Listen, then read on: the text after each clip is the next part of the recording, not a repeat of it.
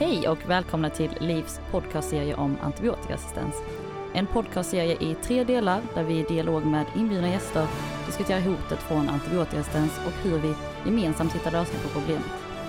Mitt namn är Ami Havenäng och jag är trainee på LIF. Med mig har jag Bengt Mattsson som är sakkunnig inom hållbarhet och antibiotikaresistens på LIF, som är branschorganisationen för de forskande läkemedelsföretagen. Och idag så gästas vi av Malin Holmark, ansvarig för forsknings och innovationsfrågor på Swedish Medtech, som är branschorganisationen för företag inom medicinteknik, och Johanna Assadi Rissanen, som är projektkoordinator på Sweden Bio, som är branschorganisationen för företag inom life science. Välkomna! Tack, tack så, så mycket. mycket! Tusen tack! Jag tänker att vi börjar med att reda ut vad är egentligen antibiotikaresistens och varför är det ett så stort problem? Bengt, vill du förklara för oss? Ja, det ska jag gärna försöka göra. Och, och jag tror att alla vet vad antibiotika i sig är. Att, att eh, ett läkemedel som eh, man kan få när man har en infektion i kroppen. Och eh, tanken naturligtvis med antibiotikat är ju att, att antibiotika dödar av den här bakterien. Om vi ska göra det enkelt. Bakterien som har gjort oss sjuka.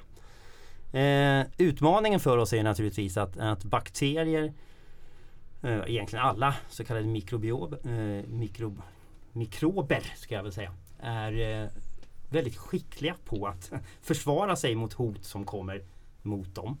Eh, och genom olika typer utav försvarsmekanismer kan då de här bakterierna, vi pratar om antibiotika, bli resistenta, det vill säga att de inte kommer påverkas utav den här antibiotikan. Det är ett helt naturligt fenomen att eh, bakterier eh, utvecklar resistens. Dels, vi vill ju att den processen ska gå så långsamt som möjligt naturligtvis. Eh, men det finns ju en risk att, att den processen snabbas upp om man exempelvis då använder antibiotika på ett felaktigt sätt när folk inte har en bakteriell infektion utan kanske en vanlig liten virusinfektion. Så så vid en vanlig förkylning ska man absolut inte använda antibiotika naturligtvis. Det är helt verkningslöst och driver bara på eventuell antibiotikaresistensutveckling. Eh, och vi har också sett eh, en, en eh, användning inom exempelvis djurhållning och annat eh, historiskt här i Sverige. Finns det även i andra delar av världen fortsatt. Där eh, man använder vad vi då tycker på ett, ett oansvarligt sätt antibiotika och driver på utvecklingen. Och problemet då är ju naturligtvis att det finns risk för att vi inte har några effektiva antibiotika för att behandla infektioner. Och eh, vill det sig riktigt illa naturligtvis så kan en infektion vara dödlig. Eh, och det är också så att man ska komma ihåg att det inte bara när man som patient kommer in med en infektion som behöver behandlas som det är viktigt med tillgång då på effektiva eh, antibiotika. Utan också när man ska genomgå någon större kirurgi eller annat där infektionskänsligheten då ökar hos, eh, hos patienten. Då kan man också naturligtvis behöva till och med ge antibiotika i, i ett preventivt syfte. Men, men eh, det är så enkelt att, att antibiotika, tillgång på effektiv antibiotika helt enkelt är, är helt, helt eh, väsentligt för vad vi idag skulle betrakta som modern hälso och sjukvård. Tack Bengt. Ja det är ju uppenbart att detta är en fråga som vi alla gemensamt måste jobba mot. Eh, att bromsa resistensutvecklingen. Och eh, gemensamt för er är ju att ni jobbar i branschorganisationer med den här frågan på olika sätt. Jag tänker Johanna, vill du börja med att berätta hur ni i Sweden Bio jobbar mot antibiotikaresistens? Ja, absolut. Eh, jag jobbar på Sweden Bio då. Vi har lite drygt 320 medlemmar inom olika fält eh, inom life science. Ehm, jag driver en taskforce inom AMR. Där har vi fyra aktiva bolag som jobbar med lösningar inom prevention, adjuvanser, alltså produkter som förstärker effekten av befintliga antibiotika. Eh, och även komplementerande produkter och ersättningsbehandlingar. Eh, och vi har valt att fokusera på den typen av eh, lösningar för att det är ganska, alltså man pratar ganska mycket om att det behövs nya antibiotika så att den rösten är redan hörd kan man säga. Eh, så därför fokuserar Sweden Bio på eh, andra typer av metoder som förlänger livslängden på antibiotika och bromsar resistensutvecklingen på så sätt. Tack, ja det är verkligen spännande med nya innovativa sätt att behandla infektioner på också. Eh, Malin eh, från Swedish Medtech, hur jobbar ni i er organisation eh, med den här frågan?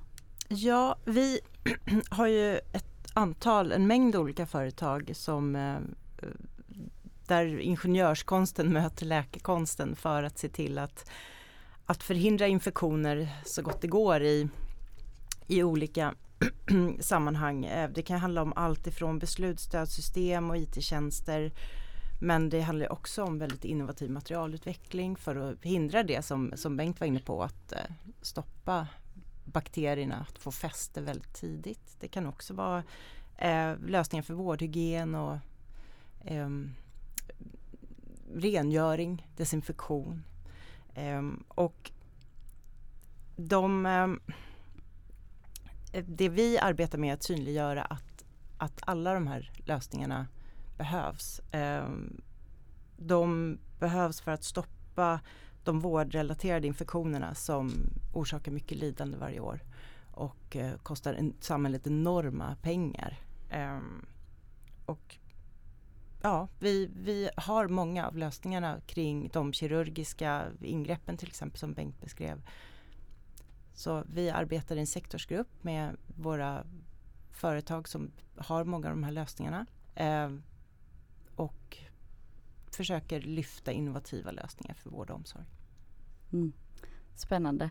Eh, jag förstår att ni har eh, mycket fokus på preventiva åtgärder också. Mm. Och, så. Eh, och jag tänker det är också någonting som LIF arbetar med på, på till exempel med vaccin och så.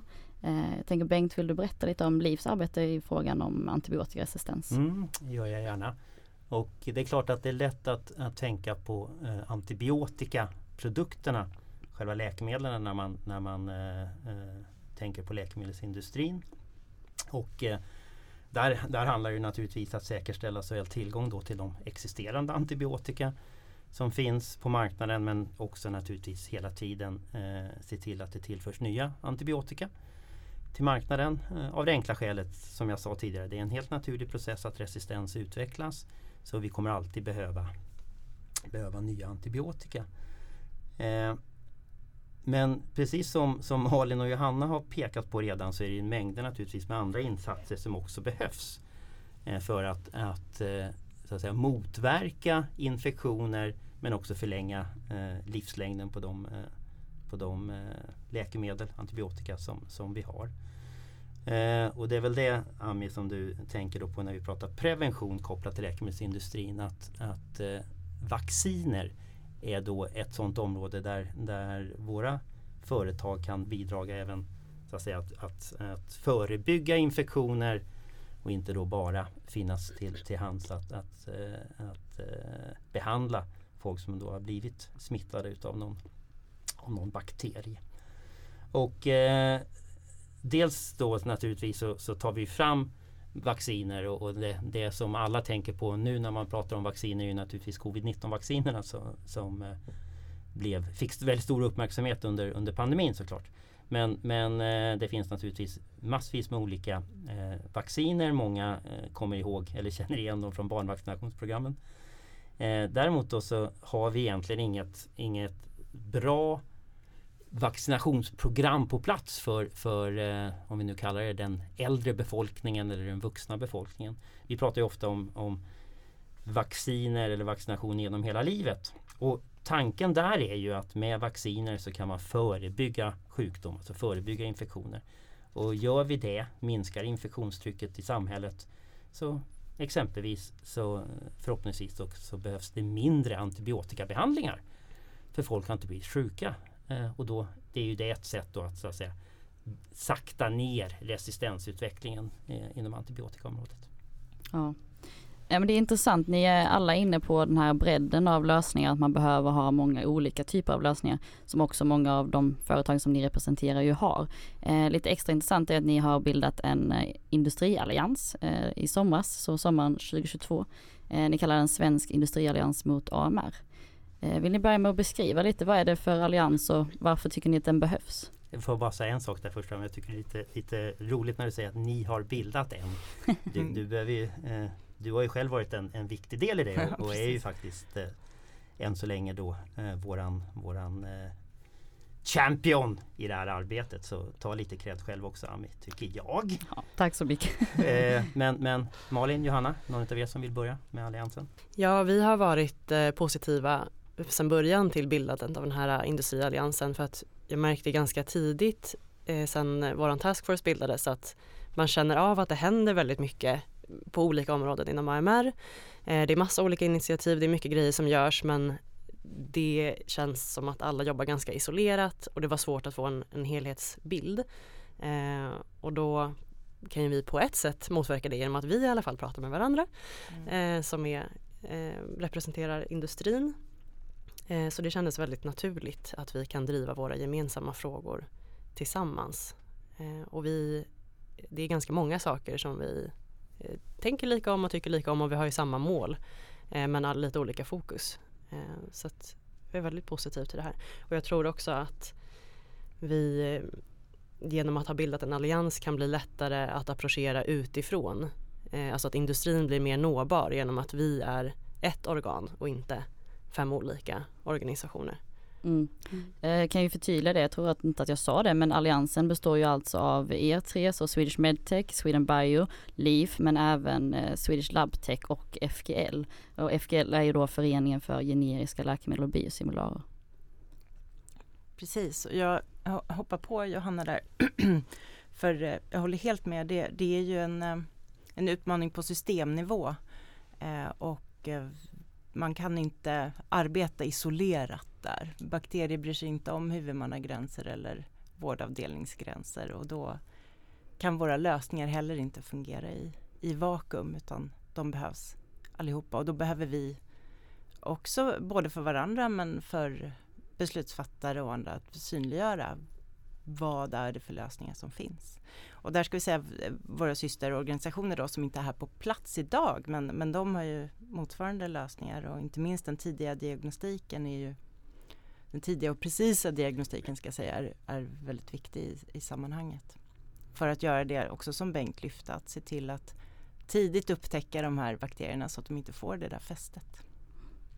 Och, och sen tror jag också att ett av skälen till att, att det är väldigt klokt att, att vi går samman är ju att oberoende nästan vilken, vilken lösning det är som ja, vi har att, att eh, lägga på bordet eh, så har vi likartad utmaning i att, att, eh, att hitta liksom fungerande ersättningsmodeller eller system för hur, hur de här produkterna, tjänsterna, lösningarna, vad vi nu väljer att kalla det, faktiskt ska komma till användning. Och jag, jag, brukar, brukar liksom ta som ett, ett eh, exempel som inbegriper då ganska liksom flera sådana insatser. Att att eh, om man, om man eh, känner sig lite sjuk då, då, så går man till sin hälso eller vårdcentral. Eh, och, och, då kan man liksom om, om, om man då möter en, en eh, husläkaren där som är eh, liksom mycket tungt belastad, mycket patienter och annat så, så, eh, så kan jag ha, ha för, respekt, förståelse för att man egentligen vill att, att, att besöket ska kunna avklaras så fort som möjligt. Och, och eh, då ska man ju tänka liksom antingen så, så, eh, vilket vi då tycker är en felaktig hantering naturligtvis. Så utan att ställa en, en eh, korrekt diagnos så förskriver, eh, förskrivs något slags bredspektra antibiotika. När vi säger bredspektra så betyder det att det liksom slår mot mängder med olika bakterier samtidigt. Och en, en, eh, en stor användning av bredspektra antibiotika riskerar naturligtvis då att driva på resistensutveckling inom en, för, en rad olika eh, för en rad olika bakterier. Eh, det kanske inte ens är en bakteriell infektion, det kanske var en virusinfektion. Tittar vi globalt så, så vet vi att, att väldigt, väldigt stora delar av antibiotikaanvändningen på, på människa i, i världen faktiskt eh, sätts in på då virusinfektioner. Så att ställa den här diagnosen är riktig och kan den då vara snabb och precis eh, så, så, eh, så är det naturligtvis en fördel på många sätt. Att, att besöket förkortas något, kanske det går lite snabbare allting. Vilket eh, kan vara önskvärt på många sätt.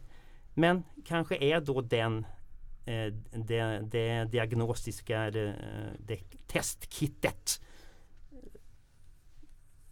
uppfattas som, som kostsamt och, och så som, som vi har prisbilden så är det ju bara att erkänna ibland kan ju själva testet faktiskt kosta mer än, än ett generiskt eh, antibiotikum. Och då kan jag förstå ibland att, att det kan finnas en risk för att man bara för att snabba på så skriver man då ut det här bredspektra antibiotika.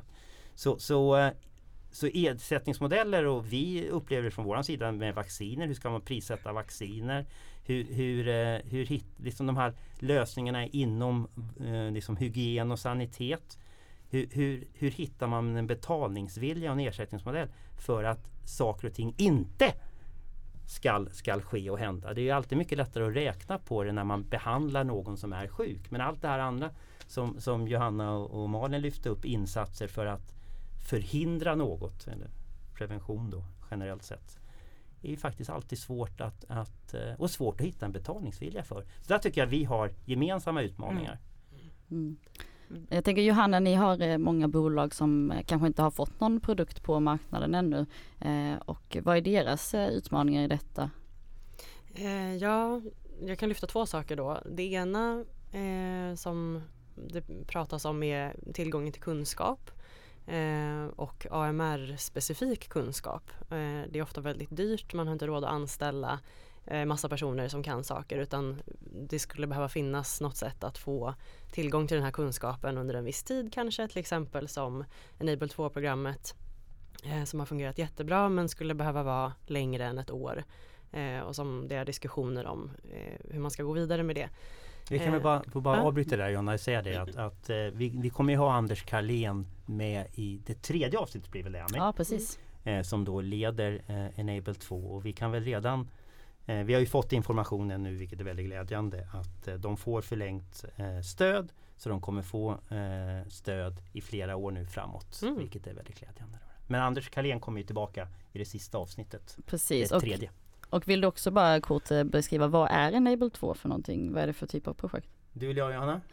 Eh, det kör du. Ja, kanske. Alltså, det som, eh, när man tar fram ett nytt antibiotika så är det ju, eller antibiotikum så är det ju liksom dels massa grundforskning att förstå hur liksom mekanismer och annat. Och sen så kanske man hittar då ett, en, vad, vad jag skulle då kalla en läkemedelskandidat. Ett, ett, eh, en, ett, som skulle kunna då bli det här nya antibiotikat något av dina företag exempelvis då eh, Johanna som, som eh, eh, kanske då inte sitter på all den utrustning exempelvis som, som behövs för att genomföra alla olika tester och allting som behövs för att sen ta den här eh, tänkbara eh, nya läkemedlet då fram till någonstans i det, liksom man går in i en, i en klinisk prövning eh, och, och testar då på människa där ofta då också de, de något större läkemedelsföretagen kanske liksom kommer in för att driva den ganska kostsamma utvecklingen. Det är då Enable och de här pipeline-koordinerarna som det krångliga svenska ordet är är att då finns de till hjälp för eh, exempelvis dina medlemsföretag Johanna för med utrustning och annat men även viss kunnande som man kan komplettera om, om man då inte har den eh, kunskapen in-house. Mm. Så kan man väl ungefär säga. Mm. Ja men eh, kul att höra att de har fått fortsatt stöd. Mm, det är ja. väldigt glädjande. Och eh, det blir spännande att lyssna på det poddavsnittet då. Ja eh, precis. Eh, ja. Vi gör lite reklam här för ja. fortsatta serier här. Eh. Ja, eh, det andra problemet eh, som jag vill lyfta i det som du pratade om Bengt med incitamentsmodeller för att möjliggöra för bolag att finansiera just den här kostsamma utvecklingsfasen. och det är ju att investerare idag går på säljsiffror och det blir svårt att motivera varför ska vi investera i det här för vi vill ju inte att det ska behövas. Så det är inte AMR-anpassat helt enkelt. Eh, och investerare har sagt till många av de bolag som jag har pratat med att det är ett jätteviktigt område eh, men eftersom att incitamenten inte finns på plats idag så är det för hög risk och därför backar man ofta eh, från att gå in i, eh, i de bolagen. Mm. Mm. Ja, ni är båda inne på det här behovet av nya ersättningsmodeller och nya incitamentsmodeller både då för eh, produkter ska komma på marknaden men även då för till exempelvis antibiotika som finns på marknaden idag för att behålla dem där. Eh, jag tänker Malin, ni har många mm. produkter också inom upphandling och så. Vad är, vad är dina tankar kring det här? Ja men det är en jätteviktig poäng som ni båda tar upp med, med ersättningsmodeller och incitament. Eh, våra medlemmar har produkter både i pipen men, men befintliga produkter som finns på, på marknaden. I, eh, och som bevisat kan reducera risken för vårdrelaterade infektioner. Och jag tänkte på, på en sak som, som du sa Bengt, det här med, ja men man ser, det kanske kostar mer det här, den här tidiga precisa diagnostiken. Men det, det tricklar ju ner egentligen till en regions budgetlinje till slut. Att man har en viss budget för diagnostik, man har en viss budget för ett läkemedel och man har en viss budget för kanske lite annan typ av medicinteknik. Och det här kan se olika ut i olika regioner. Eh, regioner ska också upphandla medicinteknik eh, vilket betyder att det ser lite olika ut i olika regioner vad som köps in och hur man mäter effekten av olika lösningar som tas in. Um, och det här totalkostnaden för vården och samhället det är det ju egentligen ingen som, som har. Va, vad kostar det? Så vi ser, vi räknar egentligen på eh, klinikkostnader men eh, patientens lidande och samhällets kostnad är inte riktigt någon som, som ser. Eh, och där kan vi ju se att, att antibiotikaresistensen kostar enorma pengar. Alltså det, det går liksom inte att, att mäta mm. den risk vi står inför, det hot vi står inför.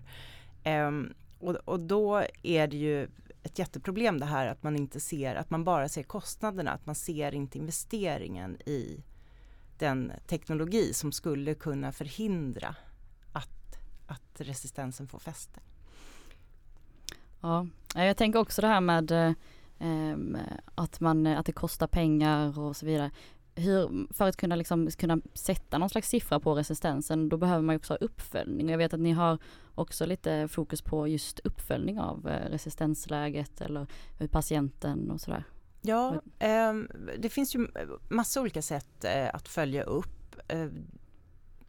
Det är väldigt svårt för det är svårt att kunna peka på vad är orsaken till en infektion. Um, man brukar säga ungefär en av tio patienter som får vård idag kommer att ådra sig en vårdrelaterad infektion, alltså en som är orsakad på grund av att de får vård. Um, men samtidigt så är det ju så att ska man, ska man um, i, i ett kirurgiskt ingrepp eller till exempel i en cancerbehandling så kan det ju vara så att man har eh, nedsatt immunförsvar och, och poängen är kanske att, att eh, sänka det och man ådrar sig lättare en infektion då. Eh, det är svårmätt, det, mörkertalet är säkert stort, man mäter inte omsorgen lika väl eh, hur många infektioner som faktiskt uppstår. Eh, det är svårt att, att mäta det här. Vi, det finns massa olika insatser för att försöka hitta alla vårdrelaterade infektioner i journalsystem. Men det beror på hur man för journal, vad man skriver i dem.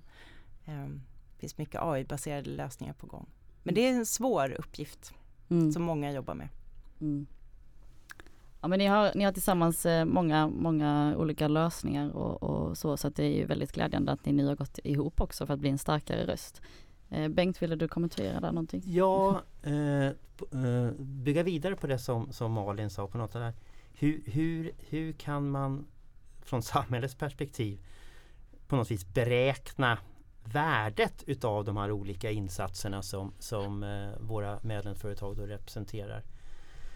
Eh, och, och eh, jag är helt övertygad om att vi kommer komma, vi har gjort reklam för avsnitt tre redan men vi, vi kan väl nämna att i avsnitt två så kommer vi ju eh, ha två stycken representanter på plats från, från läkemedelsindustrin eh, som, som eh, kommer prata då såväl liksom om nya antibiotika existerande antibiotika men också vacciner. Och jag är helt övertygad om att vi där kommer komma tillbaka till det här liksom med ersättningsmodeller men hur man beräknar värdet. Vad är det då samhället ska betala för? Vi vet generellt sett att det alltid är svårt att, att få betalt för förebyggande insatser. Saker man gjorde som inte för att inte någonting sen skulle hända. Och hur, hur kan man liksom räkna på var det den här insatsen som faktiskt gjorde att de här sakerna inte uppkom? Det är, det är alltid svårare än, än, när vi går in och behandlar någonting ett, eller åtgärdar något problem som redan har dykt upp. Mm. Men, men, eh, just det där, vad är värdet? Och, och, det tror jag är liksom en sån här utmaning, än en gång, som vi har gemensamt. Att, att, och ut, ur läkemedelsperspektivet så jag menar, det, det finns en massa hälsoekonomiska modeller som vi använder när vi liksom hittar prisnivån eller värdet då på, på våra andra läkemedel. Men det är svårt när vi pratar antibiotika men även den här andra typen av produkter som, som Alliansen har. För, för eh, i vissa fall kan det till och med ha antingen då en förebyggande insats eller i vissa fall bara att det finns tillgång. Den här, den här produkten finns tillgänglig ifall den skulle komma att behövas.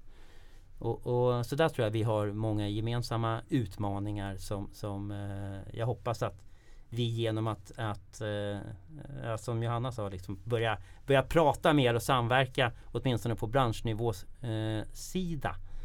Eh, på den nivån kommer, eh, kommer framåt. Ja. Jag tänker vad är, eh, vad skulle ni säga är Industrialliansens målsättning eh, framöver? Eh, Johanna vill du kommentera? Ja men en sak som vi har pratat om och som vi i taskforcen på Sweden Bio har tänkt på mycket är just att eh, industrin ska vara en självklar part att bjuda in till samtal på högre nivå, alltså inom politik, beslutsfattare, eh, inom hälso och sjukvården. Eh, det ska inte vara så att vi ska behöva tränga oss in eller att man kommer på det i sista sekund att just det, vi kanske ska fråga dem också vad de tycker utan det ska vara precis lika självklart som att politikerna är där. Eh, för att det finns, som du sa Malin, det finns en massa lösningar redan idag. Och en del är redan upphandlade. Men de används inte och det kan ju vara eh, på grund av riktlinjer eller andra saker. Eh, där riktlinjen säger använda antibiotika men det finns egentligen antibiotikafria behandlingar som fungerar eh, som inte används för att man tar det snabbaste alternativet. Eh, som du sa Bengt, man vill bara få ut patienten från vårdcentralen. Eh, och detta är lite grovt kanske. men eh, det är liksom en quick fix tänker man men, ja. men fortsätter vi så så är det ingen quick fix eh, utan det fixas inte överhuvudtaget. Eh, mm. Mm. Så man behöver, man behöver eh, lyssna på industrins röst i alla de här samtalen. Ja. Mm. mm. Malin, har du något att tillägga? Ja, ehm, men som vi nämnt tidigare att, att synliggöra att det är ett problem på systemnivå. Mm. Eh, och då behöver vi ett helt system av lösningar. Um, och här kan man väl se dels då för att tydliggöra vad behöver vi investera i men också vad gäller riktlinjer där om vi, om vi pratar om evidens till exempel att om vi nu behöver massa olika lösningar hur ska vi ta fram evidens för att de här vilka lösningar tillsammans som ger störst nytta? Det är en väldigt klurig uppgift med tanke på hur kliniska prövningar idag fungerar där man tittar på en, en intervention ensamt. Och om man jämför då till exempel med en eh, operationssal där man kanske testar ja, men hur stor effekt får en viss drapering vid operationen men man har en undermålig ventilation då kommer vi få en viss typ av ett, ett viss, en viss effekt Eh, men att göra en studie med så många parametrar och även att göra studier i Sverige där infektionsfrekvensen faktiskt är väldigt låg redan från början blir väldigt utmanande. Och det mm. där har jag en förhoppning att vi kan få en tydligare dialog kring med vård och regioner och beslutsfattare. Mm. Och mycket annat som jag tror att vi, vi kan åstadkomma. Jag håller helt med dig Johanna att vi, eh, att vi kan hoppas på att vi våra respektive röster kan höras tydligare såväl i våra insatser vi gör nu men även gemensamt. Mm. Och Bengt? Eh... Mm, eh, ett, ett litet tillägg möjligtvis att, att eh, eh Malin säger liksom att, att på något vis så är ju ändå den svenska situationen ganska, ganska bra. Vilket i och för sig då kan vara svårt om man vill göra kliniska prövningar exempelvis. Eh, men, men resistensläget är generellt sett ganska bra. Vi har ett, ett eh, kanske inte eh, jättehögt infektionstryck eh, för lite slags grundläggande fungerande hygien och sanitet i samhället. Eh, och våran historia, den svenska historien med det fantastiska arbete som Strama har, har gjort för att säkerställa en ansvarsfull eh, antibiotikaanvändning. Eh, Sverige med, med rätta väldigt stolt över det arbete som gjorts inom djursidan med god djurhållning. Man brukar säga att sjuka djur behöver inte antibiotika men det är naturligtvis så att även eller Friska djur behöver inte antibiotika. Eh, och på samma sätt naturligtvis att, att friska människor behöver inte antibiotika. Mm. Eh, så, så där finns det liksom en, en, historia att bygga på. Vad jag hoppas som någon slags mål för den här industrialliansen är att när, när Sverige som ett gott exempel och, och, och resten av världen liksom tar, tar de kommande stegen så skall eh, näringslivet och industrin precis som Johanna pekar på, vara en mycket mer så att säga, självklar aktör. Mm. För mycket av det arbetet inom Strama och annat har ju naturligtvis huvudsakligen drivits av hälso och sjukvården. Men ska vi komma vidare så, så, eh, så är vi helt övertygade om att våra produkter och tjänster och den kunskap som, som industrin sitter på är helt väsentlig för att vi ska kunna komma vidare framåt. Ja, ja men så är det ju och, eh, och ni pratar om att det finns eh, såklart eh, brister i Sveriges system också och mycket utmaningar här som vi behöver lösa och där ni har också många lösningar och idéer på och så vidare. Men Sverige är ju generellt sett väldigt bra i den här frågan och har ett gott resistensläge jämfört med många andra länder och många initiativ här och så vidare. Eh, vi står ju också inför ett ordförandeskap eh, väldigt snart. Eh, första halvåret av 2023 så ska Sverige vara ordförande i EU. Och vad tänker ni kring det? Är det någonting som Industrialliansen fokuserar på och vad vill ni se? Vilka initiativ vill ni se Sverige ta i, i det? Får jag börja bara med att jag ja. sa att Sverige har liksom en, en bra historia att berätta. Förra gången Sverige var, var ordförande i EU 2009 så, så låg AMR-frågan högt på, på agendan. Eh, för för vi, vi är ett föredöme internationellt. Det ska vi vara stolta över naturligtvis.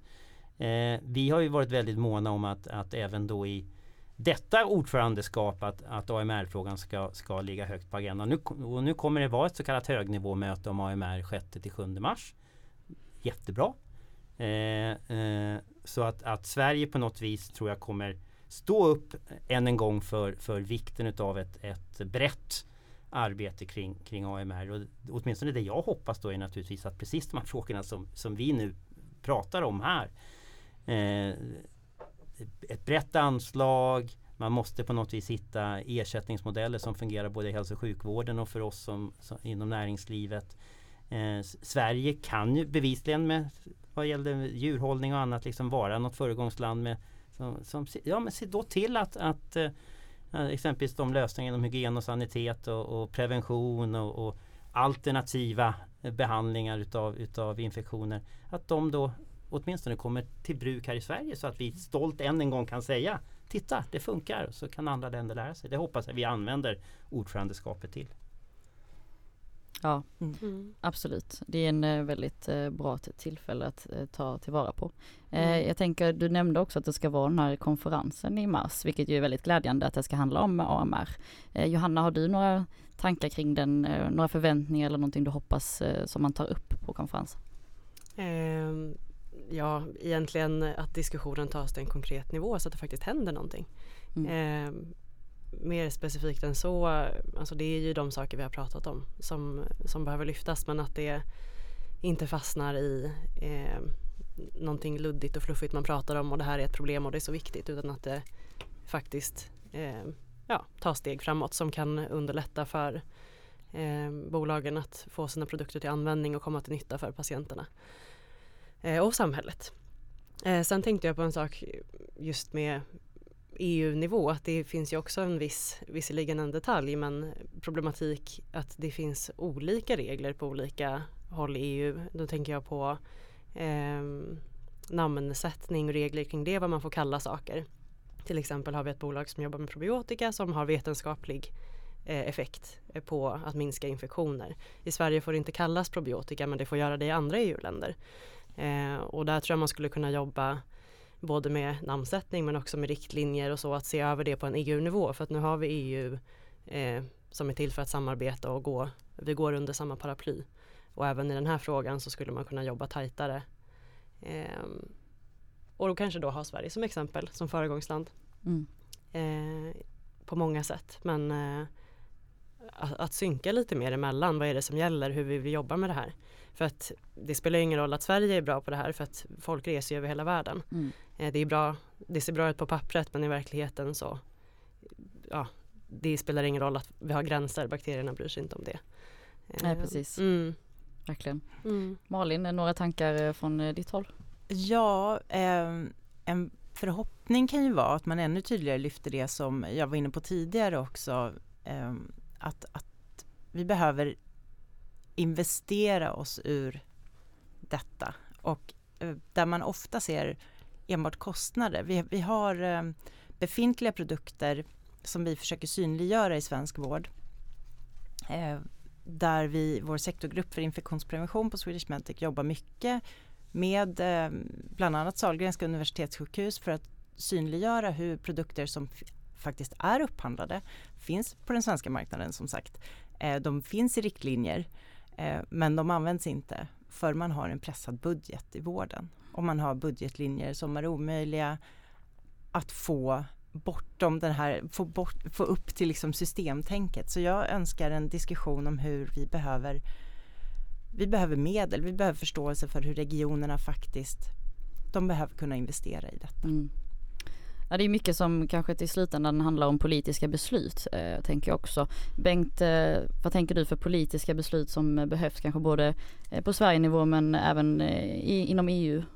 Mm, och om vi än en gång tar utgångspunkt i, i eh, på något vis i konferensen, eh, högnivåkonferensen då om AMR under EU-ordförandeskapet så, så eh, ska jag inte sticka under stol med att vi önskar ju att, att Sverige i samband med den står upp för eh, att det behövs eh, såväl det vi kallar då push-mekanismer och pull-mekanismer. Alltså starka incitament både för att, så att driva forskning framåt men sen ta eh, nya antibiotika eller andra typer utav, utav lösningar som industrin har ut på, på, på marknaden.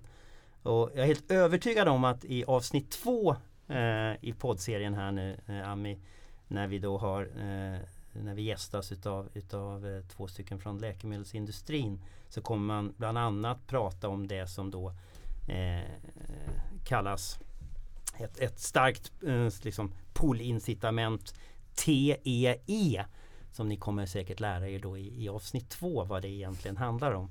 Men, men eh, oberoende av vilka modeller man väljer så måste man på något vis ha, ha incitament. För, för jag tror, jag vet, om det nu var eh, du Johanna som just pratade om det där, att, att liksom väldigt mycket av, åtminstone om vi pratar om läkemedelsbehandlingarna men även kanske andra behandlingar, kommer vi, vill man ju egentligen inte använda. Vi vill ju bara ha dem just in case de skulle behövas. Eh, och då, är ju, då finns ju inte de här, det vanliga sättet att, att liksom ersätta bolag för, för eh, när man kommer fram med nya innovationer att man får ersättning för försåld dos. För vi vill egentligen inte att de ska säljas och användas.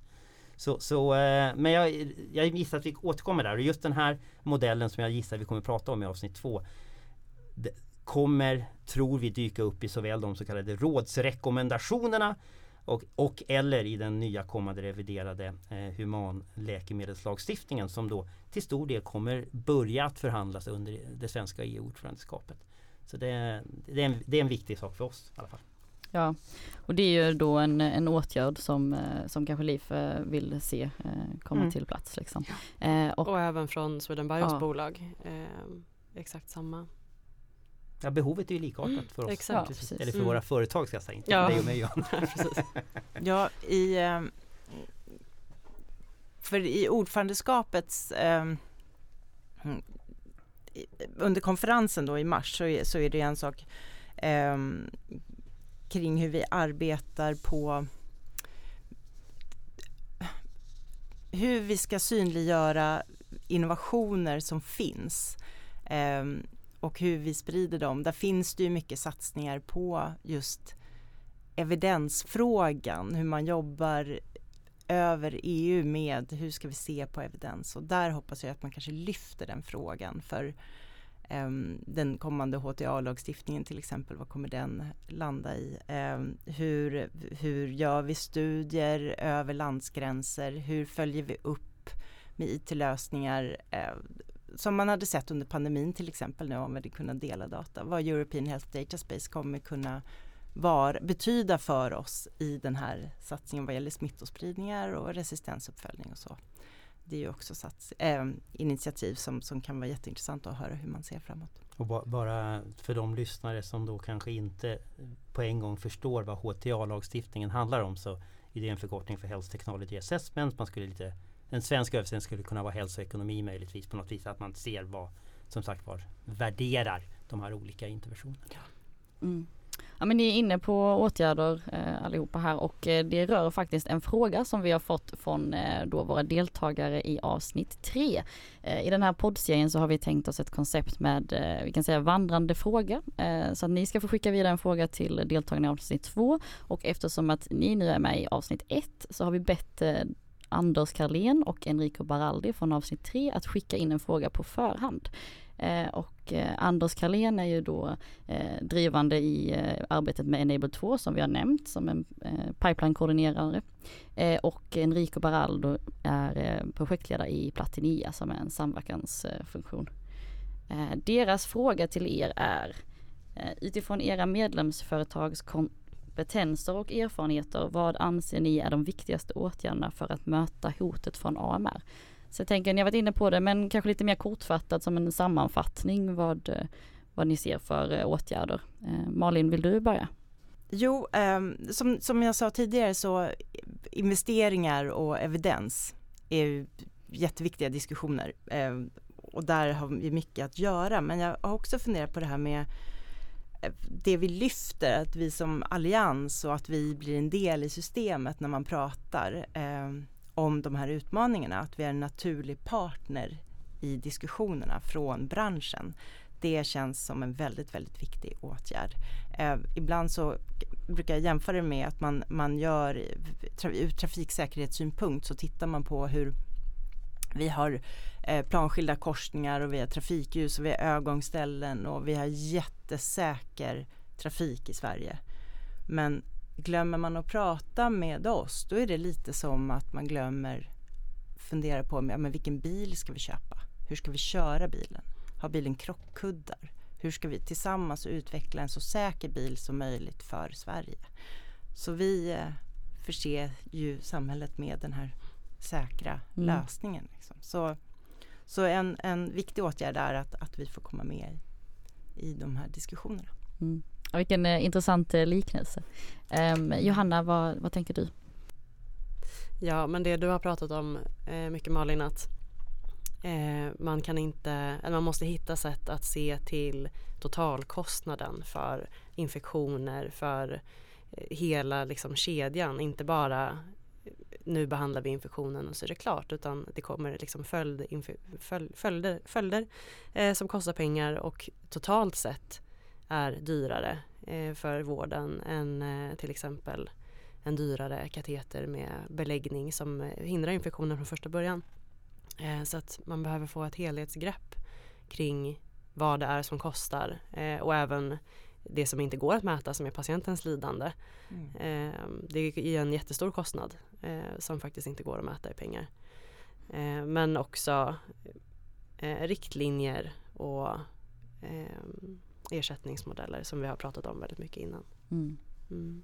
Ja så är det, det finns ju en patient eh, bakom allt det här också. Mm. Eh, Bengt, eh, vad är dina tankar? Ja, utöver då vad, vad Malin och Johanna redan har exemplifierat eh, med så, så, tror jag att en av de viktigaste på något vis det som våra medlemsföretag och, och vi då tillsammans eh, är ju att vi, vi, vi kan erbjuda en bredd mm. av, av lösningar. För jag, vi måste få säga, samhället eller hälso och sjukvården att, att, eh, att eh, förstå, vilket de kanske gör, men på något vis att det verkligen kommer i användning alla olika lösningar som, som, som finns. För det, det räcker inte med att man försöker förebygga eller det räcker inte med det, det, det precisa snabbare diagnos, eh, ställa den diagnosen snabbt. Utan vi behöver också behandling, vi behöver många olika typer av behandling. Vi behöver följa upp, vi behöver bättre övervakning och, och det finns inte en lösning på problemet med antibiotikaresistensutveckling. Utan man måste använda, det är som en slags smörgåsbord. Hela poängen med ett smörgåsbord är ju naturligtvis att det både finns sill och potatis och, och, och lax däremellan och något kött och några vegetariska grejer och så tycker jag det är gott med godis på slutet liksom. Mm. Och, och eh, ett smörgåsbord för i kampen mot antibiotikaresistens. Det är alla de olika lösningarna som Mm. vi har presenterat och alla kommer behövas. Mm. Och det, där tycker jag inte riktigt att vi har nått hela vägen fram i så att säga, samhällets kamp mot antibiotikaresistens. Mm. Nej. Men vi har ju ett försprång där i och med att vi fort redan har ett smorgasbord. riktigt. Eller riktigt. Ja. Mm. Eh, ja, Johanna. Ja, nej men eh, jag bara håller med. jag håller med dig. Vi har, det finns så många olika lösningar. Eh, och det handlar inte om att vi inte ska använda antibiotika utan det handlar om att det måste få fortsätta finnas så att vi kan fortsätta behandla de här vanliga infektionerna eh, där det behövs. Men fram tills att vi använder antibiotika så finns det en hel del andra saker man kan göra. Mm. Eh, och det är där det behöver hända, hända saker. Så är det verkligen. Ehm, då tänker jag att ni ska få skicka vidare en fråga till eh, våra gäster som eh, kommer nästa avsnitt som är Jonas Ålebring som är medicinsk direktör på Pfizer och Erik Hallgren som är samhällspolitisk chef på MSD. Eh, så har ni någon fråga att skicka vidare till eh, ja, två representanter från läkemedelsföretag då? Ja, jag är nyfiken på, och de, har säkert ett jättebra svar på det här, men om man tittar på alla våra eh, olika lösningar vi har då, alla som behövs. Hur får vi då betalt för något som inte ska hända? Om de svarar på den, då blir jag jättenöjd. Så varsågoda. Ja men det är en bra fråga, tack så mycket. Eh, Johanna, du har ingenting att tillägga eller? Nej, det, jag är nyfiken på precis samma sak. Samma sak. Ja, det är en bra fråga. Men eh, då vill jag avsluta med att tacka så, tacka så jättemycket för att eh, ni kom och gästade vår eh, podd. Supertrevligt och roligt att ha er här. Tusen tack för att vi fick komma. Ja. Tack. Jag ser verkligen fram emot att se vad Industrialliansen kommer att fortsätta göra och jag tror verkligen ni kan göra skillnad. Vi har också en handlingsplan, Livs handlingsplan mot antibiotikaresistens som finns på liv.se som ni gärna får läsa. Och till sist så vill jag tacka alla lyssnare